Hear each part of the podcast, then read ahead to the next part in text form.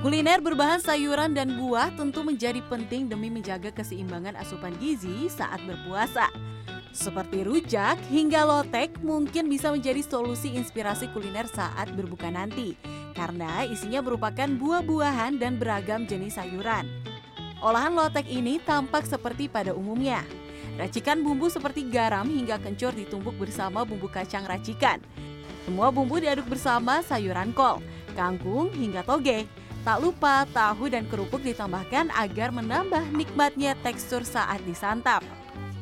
Bedanya, resep racikan lotek ini sudah bertahan selama tiga generasi, tepatnya di tahun 1966 silam, ibu dari sang peracik lotek kini sudah berjualan di kawasan Kelenteng, Kota Bandung. Meskipun telah pindah dari tempat berjualannya dulu, lotek legendaris ini tetap diburu penikmatnya. Tak sedikit pelanggannya sudah turun-temurun dari generasi orang tuanya hingga ke anak-anaknya. Udah sering beli lotek ini dari zaman mami saya dulu waktu masih di Kelenteng.